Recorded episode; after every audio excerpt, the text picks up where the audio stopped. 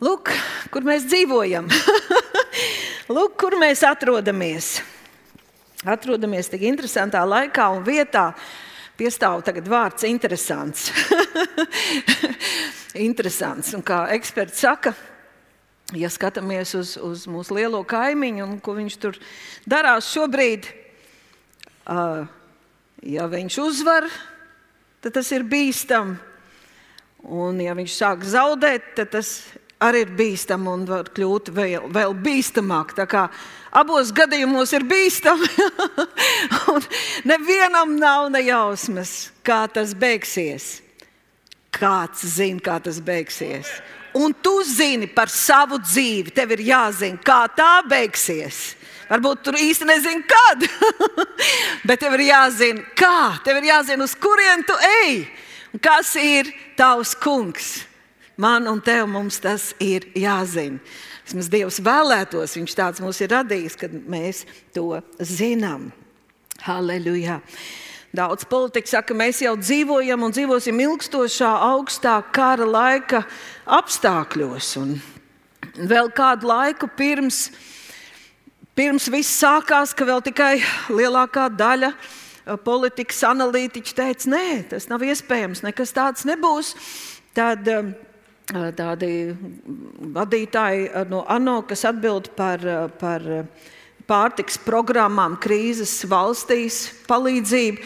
Viņi teica, ka vairāk kā puses no pārtikas, kas tiek virzīta uz šīm krīzes valstīm, nāk no Ukrainas, kā liela daļa arī no Krievijas. Un tad tas bija uh, Berlīnas, jā, Berlīnas biroja direktors šīs organizācijas teica, šobrīd jau, tas bija pirms kāda laika, 276 miljoni cilvēku jau cieši akūtu badu 81 valstī.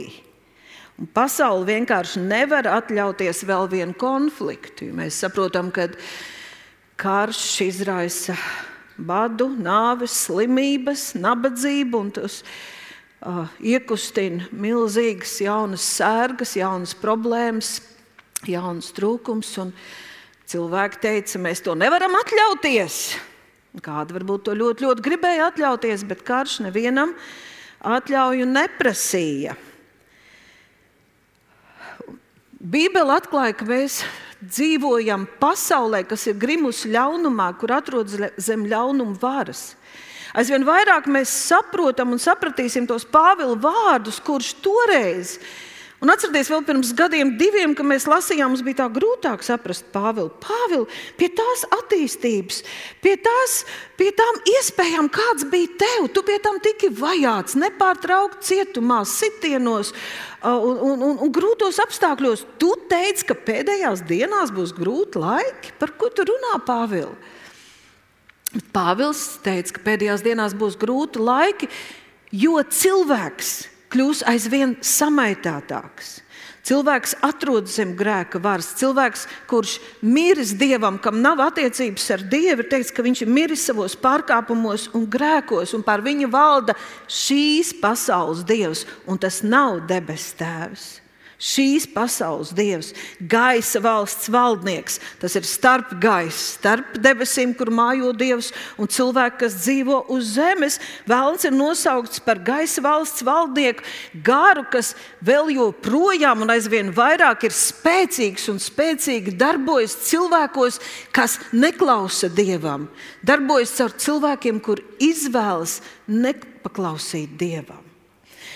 Kad lasa atklāsmes grāmatu, Pēdējā laikā, es domāju, daudz grib studēt un, un iedziļināties atklāsmes grāmatā. Tad tur ļoti spilgti cilvēki sad, tiek sadalīti konkrēti divās grupās. Un kristieši tiek sadalīti, dalās divās grupās, droši. Tur ir tie, kuru vārdi ir rakstīti dzīvības grāmatā, kuri bīstas Dievu Tas nozīmē, tur viņa vārdu, ievēro derību. Wow, mēs esam derībā! Nu, pat tās cilvēki atkal Dieva bērns slēdz derību. Iegāja derībā, kas ir Dievam ar kungu Jēzu, un mēs esam viņā. Un kas apliecina Jēzu Kristu ar savu dzīvi un ar, ar, ar, ar, ar, ar savu muti apliecina Jēzu. Un otrā grupa, kuru vārdi nav dzīvības grāmatā, kuri netur derību un neapliecina kungu Jēzu ne ar savu dzīvi, ne vārdiem. Nekas viņu dzīvēs nemainās. Varbūt, kad ir izdarīti kaut kādi soļi, bet nav piedzimšana no augšas, nav sekošana Jēzum. Un uh, lasot ši, šo, šo strikto sadali, ir atkal un atkal jāatceras, kā sākās šī gada vārds. Sakārtot lukturs, laiks pēdējais, pēdējais mirklis pārbaudīt eļļu, uzkrāt eļļu dievu bērniem, sakārtot lukturs. Un tā līdzība arī ir sadale. Au, 50 plus 50, pusi uz pusi, ģimene, draudzene, valstī, dieva bērni Piecas gudras, piecas negudras. Puse rīkojas gudri, puse no negudri. Tur tā skaisti viss sākas. Cilvēki dzird evaņģēlīju. Pie visa labā, kas jau ir, nu, neskādēs arī to jēzu paņemt bariņā. Ja kas tomēr nodrošināties arī debesu valstībai, Un tās ģeķīgās jaunavas arī iet kopā ar tām gudrajām. Jāpaņem ka, ka, eļļa, nu jāpaņem. Tā laikā tā eļļas svecīte bija tā kā tāda maza komiņa. Tā nebija tāda liela, ugunīga lāpa, ko varēja nest. Tāpēc tai kanai ar to eļļu līdzi bija ļoti svarīga nozīme. Viņš ko tur ņemt tās kannas, ir svarīgākas lietas, par ko uztraukties. Un tad viņas tur gāja kādu laiku kopā, un tad viņas sāka atpūsties, un tad viņas visas tā kā iedzīvojās. Un tad ir teikts, ka viņas visas iesnaudās un iemiga. Man liekas, arī tāda, ja Eiropa, kā dažādos kontinentos, kā nu ir gājis, bet mums noteikti bija tāds laiks, kad tā varēja tā labi iesnaut, iesnausties un iemigt gan ar tām eļļas kanniņām, gan uh, bez tām. Un tad ir rakstīts, un tā ir pēdējo dienu, pēdējo notikumu līdzība. Viena no, un tad ir rakstīts, un pēkšņi pusnaktī vai naktas vidū atskan kliedziens. Tas ir naktas vidus, ir tas brīdis, kad galīgi negribas celties. Tas brīdis, kad ir vissaldākais miegs, kad tu, ja tev jāceļas, tas tā kā pa galvu būtu dabūjis. Apkārt tumšs, neomolīgi, augsts kliedziens, ceļaties, līgavains nāk, izejiet pretī. Un ir rakstīts, visas uzcēlās. Tas kliedziens, tā situācija bija tik skaļa, ka visas, kas bija iemigušas, uzcēlās. Un tagad, ja mēs runājam par kristiešiem, tā ir situācija, nakts, tumšs, jāiet, nezinām īsti kur, nezinām cik ilgi pēkšņi izmainās kaut kas vērtībās un domāšanā. Lietas, kas agrāk bija tik svarīgas, kas paņēma visu dzīvi un kas šķita dzīves jēga, vērtība ir zaudējuši. Pēkšņi ir tikai kaut kas, kas agrāk likās galīgi netik svarīgs. Kur ir lukturis? Lukturis, jo ir tumšs tāda tumsa. Un ir jāiet, lai redzētu, kur iet, vajag lukturi. Daudz kas tiek atstāts, lai paņemtu lukturi, un kādu laiku gājuši. Tad šis pēkšņi, vārds pēkšņi ar kļūst aizvien pazīstamāks. Kādu laiku gājuši, daļa no Dieva bērniem saprot, ka eļļa sāk beigties gaisma sāk izdzist. Un no sākuma šīm līgavas draudzenēm, šai draudzes daļai, nešķiet, ka tā būtu liela problēma. Mēs kopā, kad man nav cits dot, es tikai pazvanu, es tikai pasaku, viss par maniem iestājas. Vienmēr kāds palīdz, vienmēr es tieku cauri. Bet šobrīd notiek kaut kas neticams. Izrādās, ka šī eļļa ir kaut kas tāds, ko otrs nevar cit citam iedot. Tas ir kaut kas tik personisks un tik bezgalīgi nepieciešams, lai nokļūtu līdz galam. Tas ir tik personisks attiecības, personiska ticība, personiska pārliecība, personiska zināšana, personisks piedzīvojums, personiska uzticēšanās, personiskas attiecības. Tik personisks, ko neviens nevar iedot.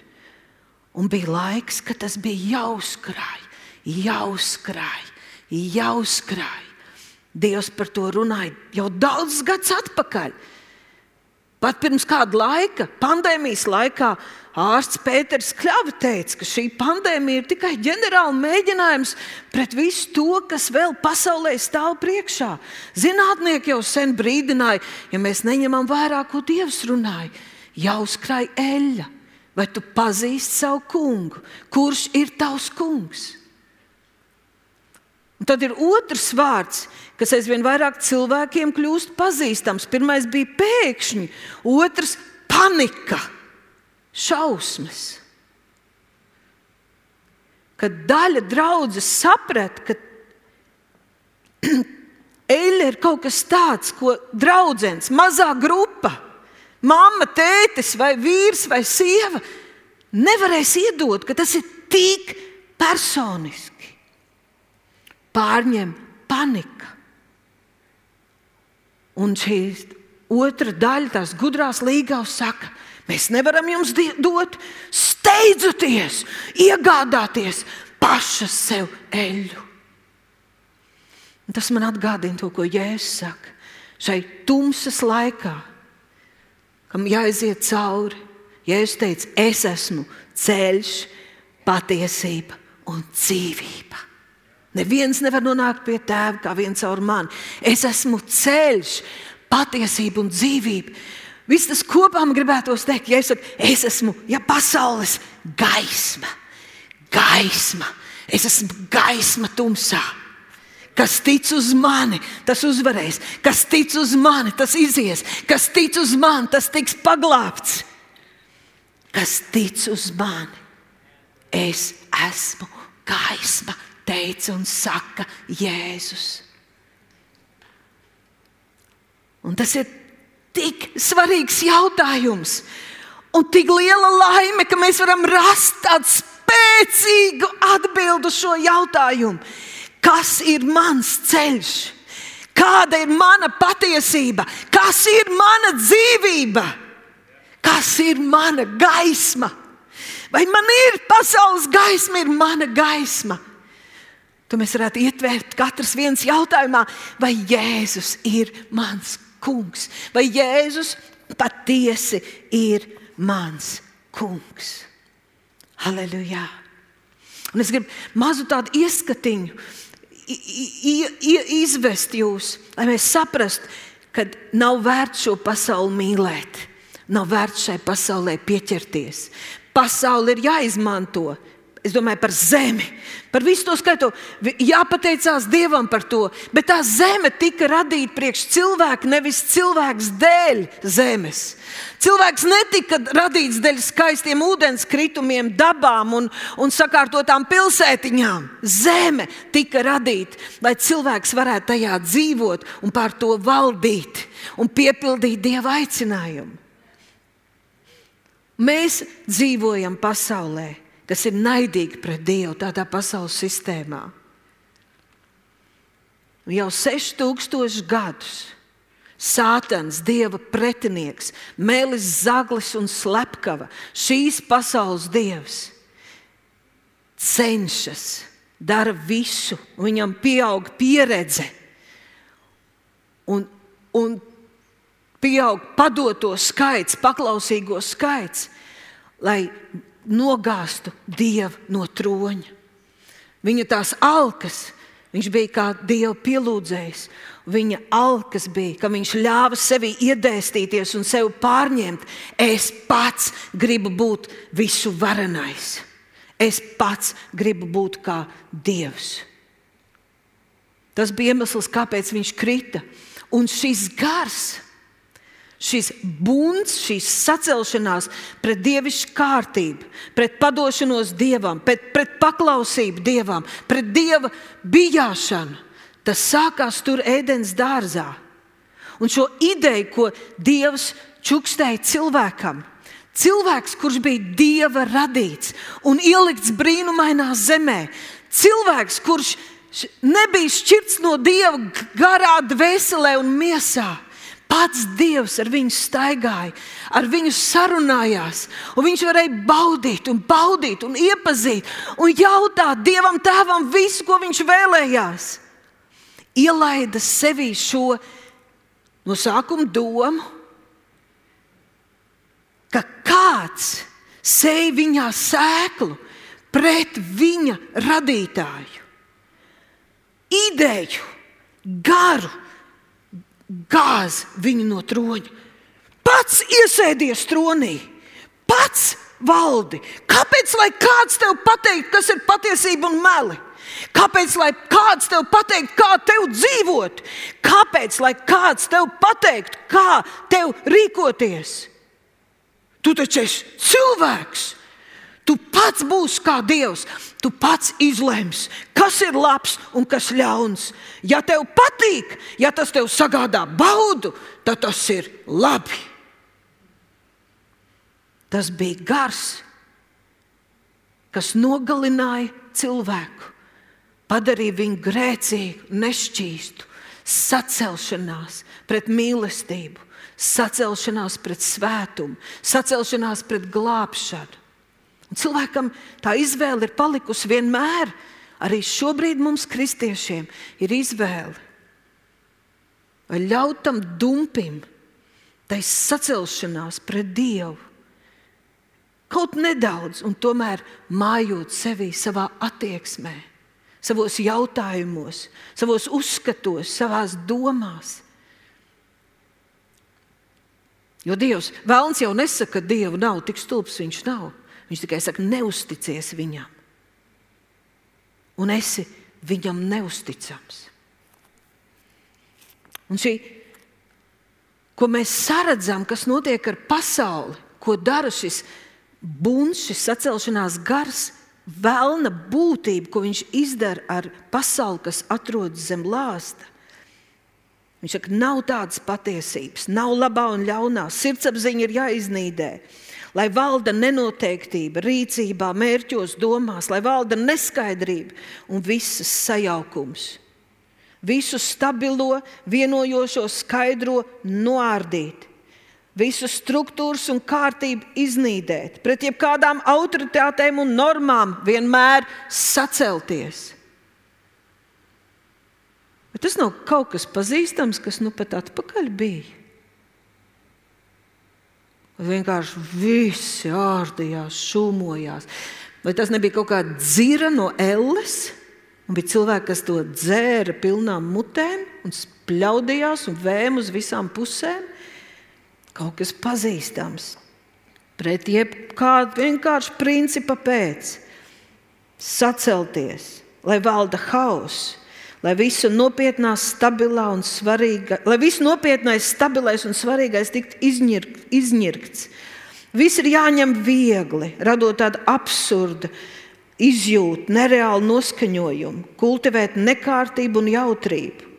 Mākslā jādominē performancēm. Tas nozīmē izrādes, teiksim, stāsti. Nedrīkst, tu nedrīksti nobeigt, jāpaliek atvērtam, jārada cilvēkam, katram, kurš ir atnācis uz teātri, šo te sajūtu, ka es līdzdarbojos, ka es noteikšu, man ir tiesības noteikt, kā beigsies. Es varu izlemt beigas, es varu izlemt, kas notiks. Tas ir varas ilūzija. Jā, mēs tiešām varam noteikt, kā beigsies. Ja agrāk vērtība bija briedums, savlaicīgums, vīrišķība, apzinīgums, pašpietiekamība, Tagad, lai valda bērnišķīgums, sievišķums, neapzinīgums, naivums, nepastāvība, šķietamība, ilūzija.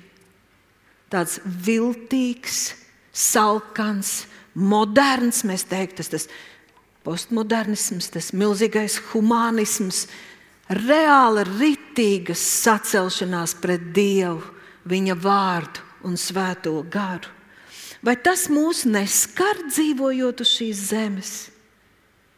Ja Pāvils, Pēters tāpēc teica, ja es teicu Pēterim, ka tās kājas ik pa laikam ir jāmazgā, jo mēs staigājam par šo zemi, un tās lietas grib mūs ietek, ietekmēt.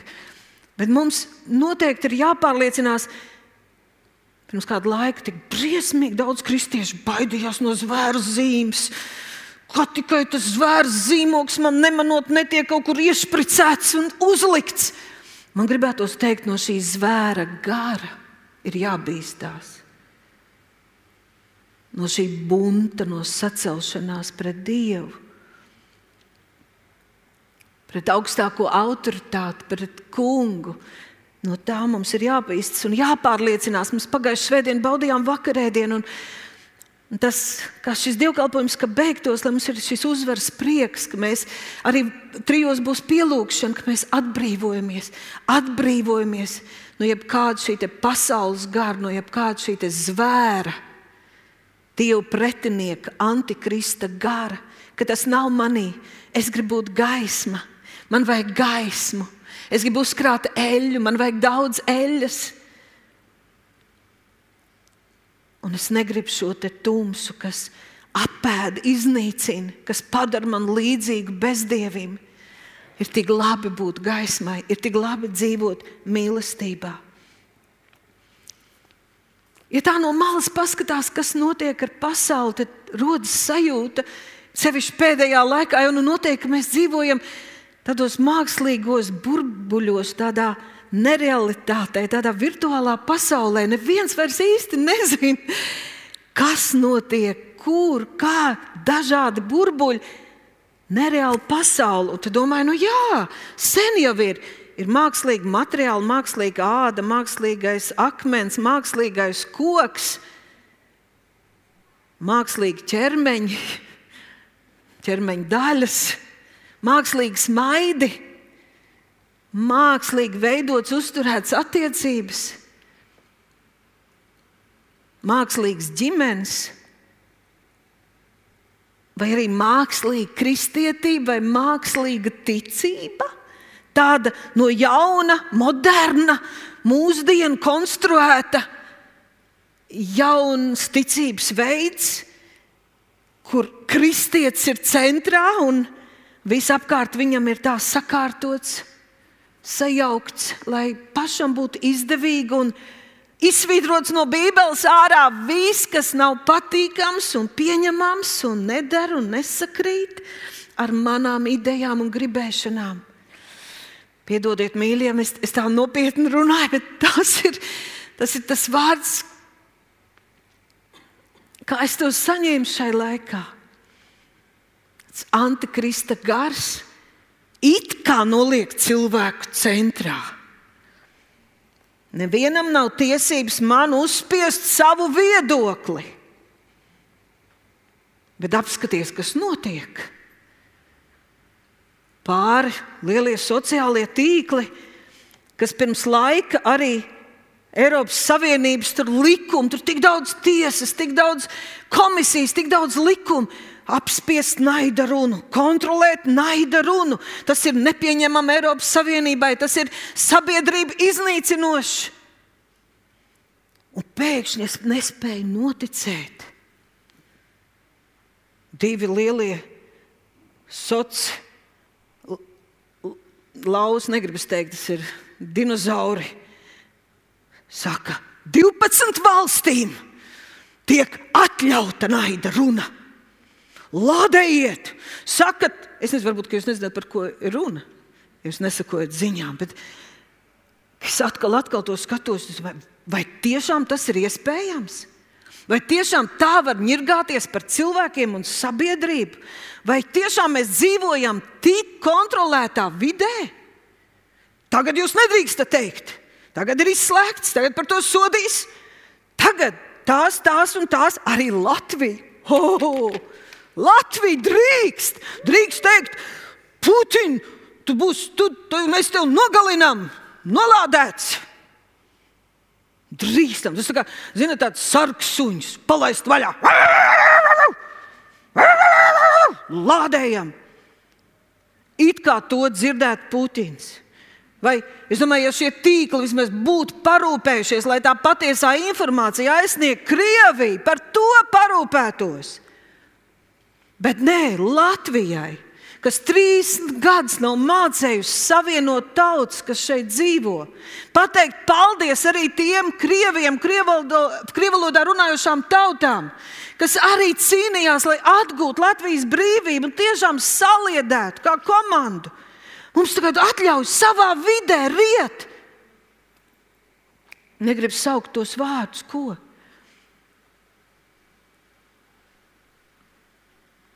Kas tas ir? Kādas brīvības mums piešķir? Tu liekas, ka tie ir varas un spēks, kas pilnīgi skatīties, nu, kas te tagad notiks. Sāks šķīst asins, jo tās lamas un tas naids jau pārņems tikai tautu tepat savā starpā. Tas tepat kritīs atpakaļ. Kas notiek? Kā tā var ņirgāties par cilvēkiem?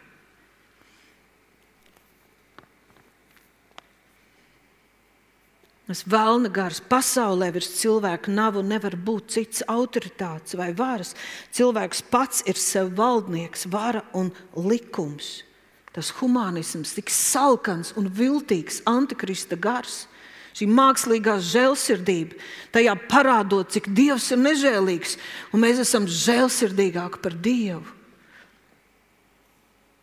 Draudzē tas maskējas, ka tāds mūsdienu jaunais kristīgais domāšanas veids. Dievs ir labs resurs tev blakus, liels, balts un pūkains, lai var izmantot tad, kad ir vajadzīgs. Tāds papildus ritenis, aizvietojumā riepa, ja kas, tad viņš dod mieru, viņš dod drošību. Bet, kad problēma ir galā, kad viss ir kārtībā, Tu pats esi savs dzīves kungs. Es gribu teikt, tas gars ir tāds, un mēs to ienīstam. Mēs to ienīstam, mēs pret to saceļamies, jo mūsu kungs, mums ir kungs. Tas ir kungs Jēzus Kristus. Mēs viņam esam devuši savus dzīves. Mēs viņam piedaram, viņam ir tiesības kaut ko teikt un mainīt mūsu dzīvēm. Mēs neesam 12, 21. gada tas mākslīgais produkts, kas uz, die, uz dievnam atnāk nevis pielūgt dievu un kalpot viņam, bet ar tādu patērētāju attieksmi. Man vajag izcilu produktu, izcilu mūziku, izcilu nosludināt vārdu, jo gal galā es taču par to samaksāju. Kamēr man tas apmierina, kamēr saka man vai prasa no manis to, ko es gribu dot, un to, kas man patīk, tikmēr es nākšu un klausīšos. Kad man tas produkts nepatīk un nebūs man pieņemams, sveiki. Mēs tādi neesam. Mēs esam dzīvā Dieva draudzene. Viņš ir galva, mēs esam viņa ķermenis. Viņš ir kungs mēs esam padevušies Dievam. Es tik ļoti gribu, lai nekāda sacelšanās, nekāds būns manī nebūtu pret manu kungu un glābēju. Es gribu būt mīksts instruments viņa rokās. Es gribu būt ar tīru sirdi, tīru, mīkstu sirdi, lai ticības gars, lai drosme valda manā dzīvēm.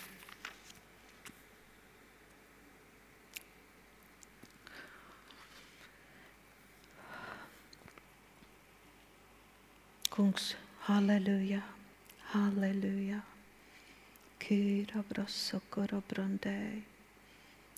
Halleluja. Jā, Krievija uh, Eiropā daudz pārdzīvo, kad Krievija, Krievijas zinātnieki un zinātnes pētnieki šobrīd pāraksta vēsturi.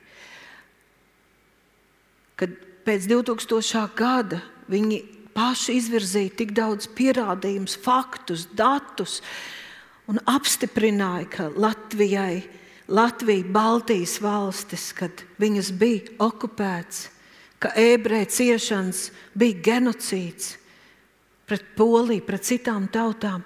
Un tagad tie cilvēki, tie izcilie zinātnieki, kas grib palikt dzīvi savā valstī, sāk teikt, nu, ka varēja arī palikt. Un, ka zinātnē, mūsējie, kad zvanot un sakot, kā, bet tu taču biji izstrādājis, un es tev varu aizsūtīt vēlreiz tos materiālus.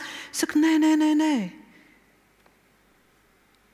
Un mēs šausminamies, kā tā var būt. Bet es gribu teikt, mēs jau sen dzīvojam desmit reizes pārrakstītās vēsturēs. Latvijas vēsture ir pārrakstīta jau vairāk kārt. Un mēs varam teikt, ka Padomu Savienība to darīja. Mēs paši, mūsu valdības, pāraksta vēsturi, mūsu pedagoģi, mūsu zinātnieki svītro ārā un maina. Un, zinot, šai laikā es ar tādām malkām katru reizi, kad ir kāds uzrunas, gaidu un priecājos par ikvienu, kurš vismaz piemin lai Dievs svētī Latviju, lai Dievs mums palīdz. Tāpēc, ka mīļie, ne jau tautas dziesmas palīdzēja iegūt un atgūt Latvijas brīvību. Hei! Ne jau tautas dziesmas. Jā, mēs esam dziedoši tauta. Islamā ir aizliegts dziedāt. Tas arī ir dievišķi, ka mēs esam dziedoši tauta, kad vēsels dziedā. Bet tas bija Dievs, tie bija Dieva cilvēki, tas bija Dieva inspirēts. Tas bija tik brīnumaini. Mūsu Latvijas satversme ir vienkārši brīnums. Kā viņi radās, cik ātri, cik viņi ir pilnīga. Wow!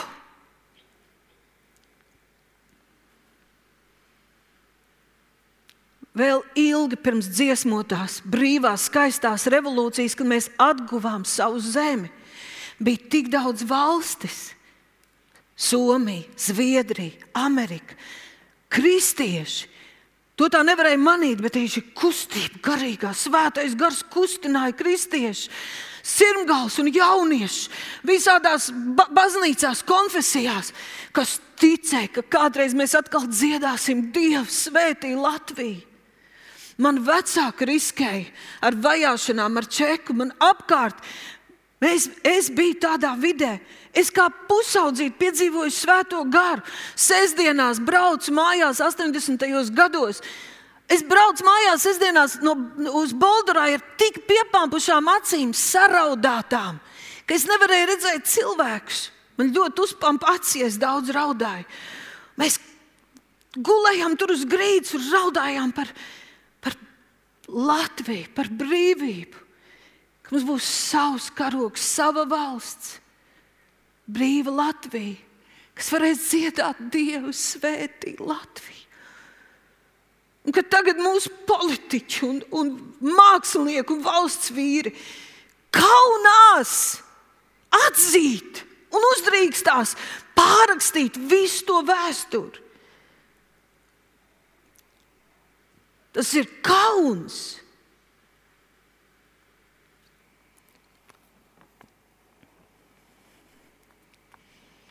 Kad Izraels bija grēkojis, pielūdz, pielūdzot zelta teļus, tad Elīze teica, cik ilgi jūs klibosiet uz abām pusēm, ja tas kungs ir Dievs. Tad sekojiet viņam, ja bāls ir Dievs, tad sekojiet viņam, bet izvēlieties, kurš ir jūsu Dievs, kurš ir tavs Dievs. Dievs nav demokrāts, bet teokrāts.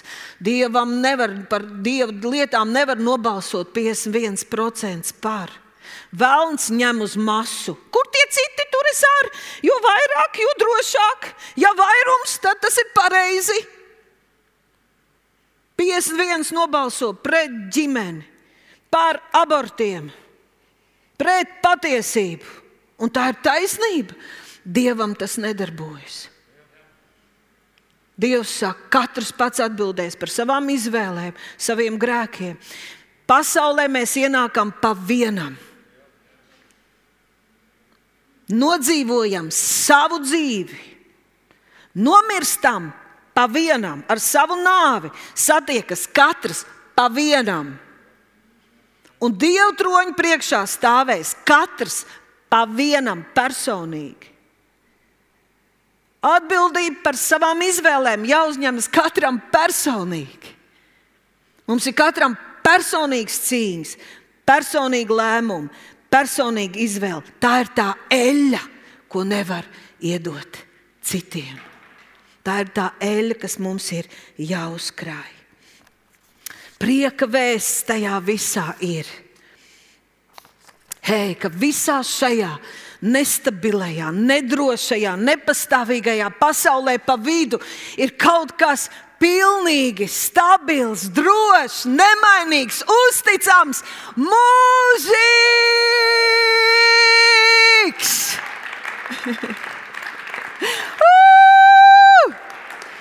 Tas nav kāds mazs palīdziņš. Tas ir visa radītājs, kungu kungs, mūžīgais dievs, varenais tēvs, miera liels kungs, tavs personīgais kungs un glābējs. Halleluja! Mūžīgais, nemainīgais, dzīvais un spēcīgais Dieva vārds, Kungs Jēzus Kristus. Halleluja! Un cienīgais svētais gars klātesošs pie ikviena no mums. Dosim kārtīgs aplausus! Halleluja! Halleluja! Halleluja! Halleluja! Un, ja Jēzus ir mūsu kungs, tad visā pa vidu svētgara klātesamība, Dieva vārds atnes mums dzīvu, spēcīgu, drošu, enerģisku, autentisku, dievišķo ticību, kas uzvar visu. Jo tā nāk no dzīvā un paliekamā Dieva vārda, kas ir pats Jēzus Kristus, Dieva dēls. Halleluja! Un tāpēc, ja es gribu paklausīt Dievam, man jāklaus vārdam. Ja es gribu respektēt Dievu, man jā, jārespektē vārds. Ja es mīlu Dievu, man jāmīl vārds. Ja es gribu priecāties par Dievu, es varu priecāties par vārdu. Es gribu baudīt sadraudzību ar Kungu Jēzu, baudi sadraudzību ar dzīvo, svaidīto, spēcīgo vārdu. Un Jēzus būs tevī, pie tevis, pie manis ar mums. Halleluja! Jo ticība nāk no Dieva vārda. Halleluja! Slāva tev, kungs! Es vēl gribu paspēt pāris lietas iedot. Tā lielākā atklāsme, kas disonē, vibrē manā sirdī, nepārtraukti tur mani tā kā uz tāda naža asmens. Es to nevaru izskaidrot. Ir tāds divas lietas, tāda atklāsme ko es gribu saprast dziļāk, saprast vairāk. Un tā pirmā ir, es neesmu centrā. Es neesmu pasaules naba, visuma centrs. Es tā neesmu.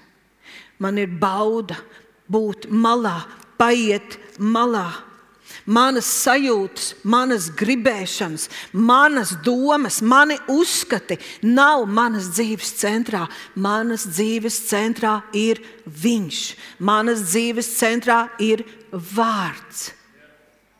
Es to gribu. Aleluja! Un otrais tajā, kas rada šo vēlmu, to vairāk saprast, ir šī atklāsme, kā arī Jēzuma mēs neesam centrā. Es neesmu Jēzus centrā. Hei, tu dzirdi mani? Atklāsme, Jēzus nenāca mirt manis un tevis dēļ. Tā nav pati centrālā vēsts. Nu, kā, man taču apsolīja, ka vienmēr jābūt labai, aizvien labāk un aizvien vēl labāk. To Eiropas Savienība var, varbūt solīja. To sola debesu valstība. Tu būsi mājās. Šeit Tēvs ir solījis mūs pasargāt no mūžīgās pazušanas un dot iespēju piepildīt savu aicinājumu. nodzīvot jēgpilnu, jēgpilnu, spēcīgu, dzīvīgu, mierpilnu dzīvi. Bet es neesmu centrā. Ziniet, Jēzum centrā ir Tēvs. Viņš nāca un mira par mums, tāpēc, ka vairāk par visu viņš mīlēja Tēvu. Viņš teica, es un Tēvs mēs esam viens. Es neko nedaru, neredzot viņu darām.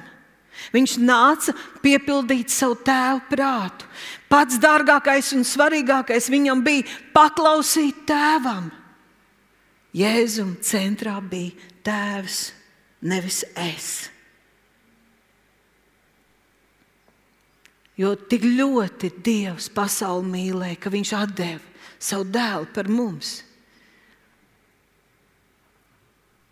Bet ir tik labi iekļauties šais, šai Dieva mīlestībā, dzīvot šai Dieva mīlestībā, būt Dieva bērnam, lai Jēzus ir mans un tavs kungs. Un tas nav obligāti. Nevienam netiek uzspiests Jēzus pieņemt par kungu. Šī iespēja Jēzu pieņemt par kungu un dzīvot, ka viņš ir tavs kungs, tā nemētājas sētmalē. Tā netiek mesta katram no pakaļas. Tā ir iespēja, to var izmantot un var neizmantot.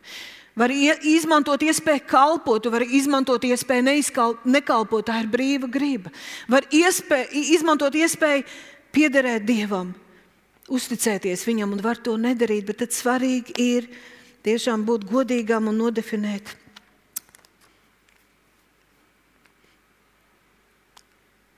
Kas tad īsti notiek ar manu dzīvi?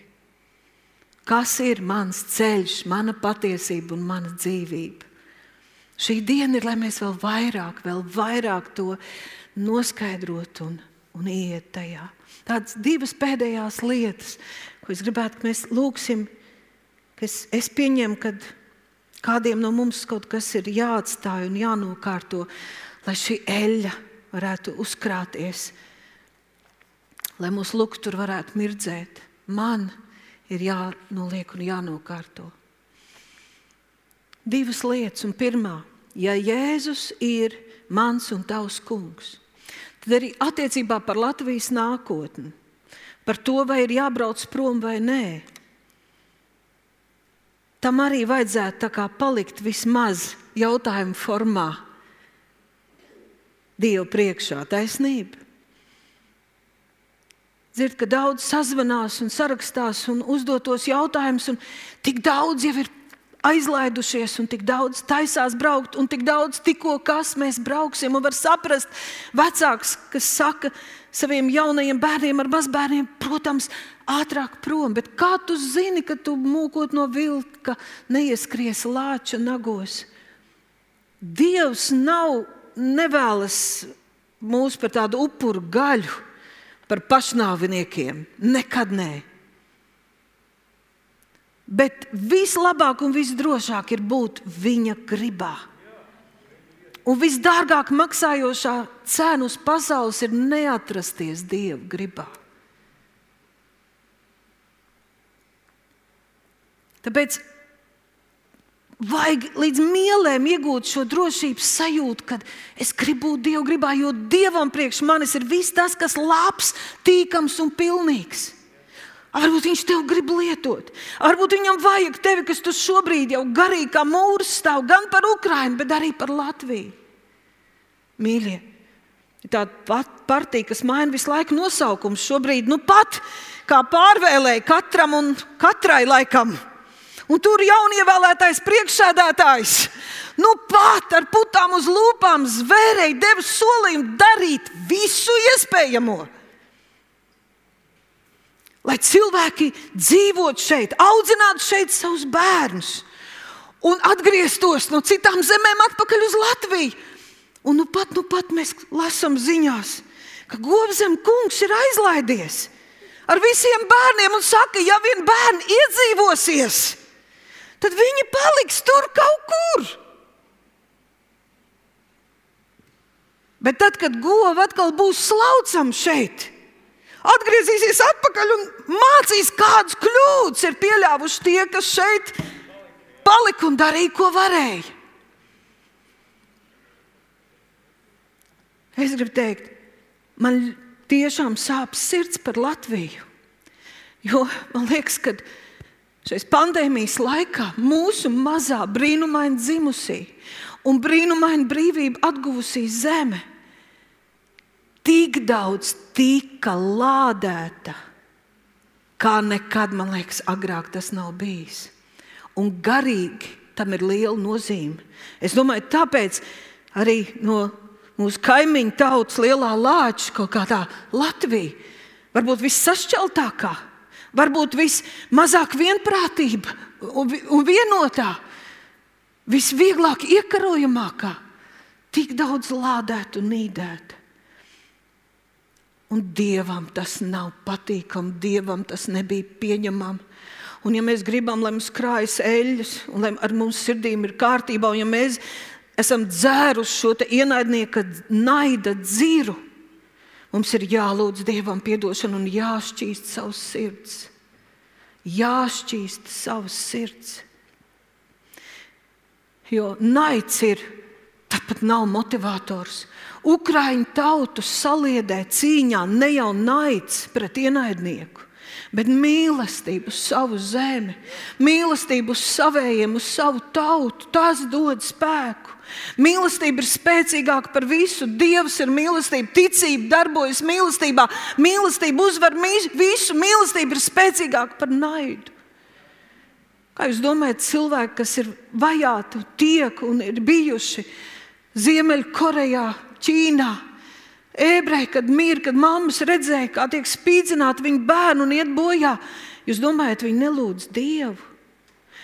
Bet mīlestība ir spēcīgāka par nāvi tā dod spēku arī mirt, ka tas ir nepieciešams. Tā dod spēku ciest. Tāpēc, mīļie, lūdzu, neturēsim, nelaidīsim naidu savā sirdīs. Es pat nerunāju tādu jautājumu, tur ienīst Puķinu vai es negribu teikt Krieviju, nerunājot vispār par Krievu tautu.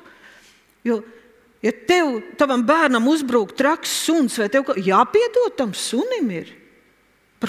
Par tādām lietām mēs nerunājam. Bet lūdzu, atbrīvosim savus sirdis no demoniskām lietām un savienosimies Dieva mīlestībā ap kungu Jēzu kā viņa miesa. Citādi es nezinu, kas notiks ar mūsu zemi. Un kas notiks ar cilvēkiem un ar draugu. Un otra lieta tā ir, tā ir vispār atdošana, tā ir dzīve mīlestībā. Dieva vārds tik konkrēti, tik skaidri, tik ļoti stingri runā tieši par atdošanu. Viņš to sasaist kopā. Paskatīsimies raksturvietu. Ja?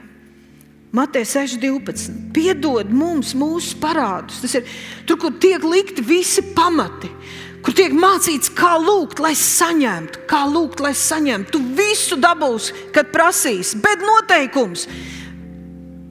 Piedod mums mūsu parādus, kā arī mēs, vai tā kā mēs.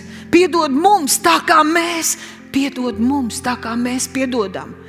Tālāk ka viņš nobeidz to mācību par lūgšanu 14. un 15. pantā. Paskatieties, jo kad jūs cilvēkiem viņa noziegums piedosit, tad jums jūs tēvs arī dzen piedos, bet ja jūs nepiedosit, tad arī jums nepiedos. Ja jūs, tad jums, ja jūs ne, tad jums arī ne. Ai, cik labi, cik labi, ka mums ir dot šī vara ka mēs varam saņemt atdošanu no debes Tēva. Jo mēs esam radīti tādi, mūsos ir izlieta Dieva mīlestība, ka mēs spējam piedot. Dieva mīlestība mūsos mēs spējam piedot. Tas nevienmēr ir viegli. Tas bieži vien ir ļoti, ļoti grūti. Bet mums nav tiesības turēt nāvējošu odzi savā azotē, kas kož mums pašiem, galina mūsu nost un caur mums citus. Tu gribi sakrāt eļļu, tu negribi, lai šis demoniskais gars ar saviem lāstiem dzīvo tavā un, un, un tavu tuvinieku dzīvēs.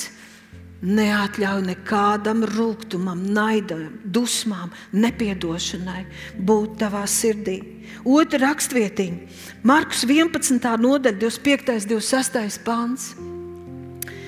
Tur ir tas brīnums, tā rakstvieta. Ticības rakstvieta. Ja tu ticībā lūgs, ko tu tajā brīdī ticēsi, tu dabūsi. To, ko tu ticībā lūgs, tu dabūsi. Un atkal Klāt tur ir Markus 11, 25, 26. Uzreiz pēc tā brīnuma, kad Jēzus skaidro, kā tas koks tur nokalta. Kā ticība tik ātri darbojās. Viņš saka, princips, kad stāvat Dievu lūgdami, tad piedodat, ja jums kas ir pret kādu, lai arī jūsu Tēvs debesīs parāda to raksturvietu jums piedotu jūsu pārkāpumus. Bet, ja jūs nepiedodat, tad jums arī netiks piedots. Kāda vara? Cik ļoti sasaistīts kopā? Cik ļoti sasaistīts kopā vakarēdienas? Katru reizi, kad baudat vakarēdienu, wow! Ja tu neizšķir, ja tu atļauj naidam, nepiedošanai dzīvot sevi, bīstam baudīt vakarēdienu, bīstam nākt pielūgt. Zin, tāpēc es tiešām izbīstos, ka man sanāk runāt ar cilvēkiem, un pēkšņi paceļās kaut kāds pusgadu, gadu, desmit gadu atpakaļ kaut kādi notikumi, kas tam cilvēkam ir dzīvi. Viņš par to runā, viņš ir stāstījis citiem. Es domāju, ārprāts. Tas cilvēks nepārtraukti bijis draudzē, ir pielūdzis, ir baudījis vakarēdienu, ārprāts. Cik tas ir bīstami? Jo piedot nenozīmē izstāstīt visiem visu, kā tev nodarīts pāri, kā tu jūties, cik netaisni, cik tas ir šausmīgi. Pret tevi nodarīts, tev nodarīts un tad beigās parādīt, cik es esmu devīgi, kā es tomēr piedodu. Nu, lūksim par viņiem. Tā ir liekulība, tā ir salkana, demoniska liekulība. Tas ir, ka tev uzrūdas, saindējušās iekšas, tu izvem uz citiem, un bieži vien tur apakšā nav patiesība. Tu saindē citus un parādi, cik tu esi svēts. Piedot nozīmē kaut ko no sevis dot, tev nodarīts pāri. Tu kaut ko no sevis dāvini otram, ko viņš nav pelnījis. Tu kaut ko no sevis atdod. Un kad Pēters teica, nu cik reizes man tiem piedot, man, man trūks ticības, ka es to spēšu. Ja es teicu 77 reizes, 7 reizes. Tas ir dzīvesveids, tā ir dzīve mīlestībā. Mūsu pašu dēļ mēs nestaigātu ar saindētām iekšām.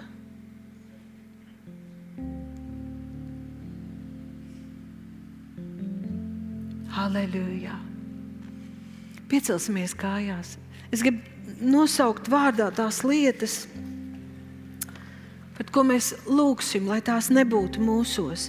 Ja tu jūti vienkārši kā aizmetnīti, mēs dzīvojam šai pasaulē, un, un tie caur visādām lietām demonis spēki grib mūs ietekmēt, ar bezgalīgi daudz informācijām un, un domām un tā tālāk. Nu, es dabūtu tāds sacelšanās. Vienkārši tāds iekšējs dumpis, ja tu to atpazīsti savā sirdī, nespēlējies ar to. Pārliecinies, kas notiek tavā sirdī. Ir cilvēki, kuriem ir izteikta nespēja padoties, uzticēties.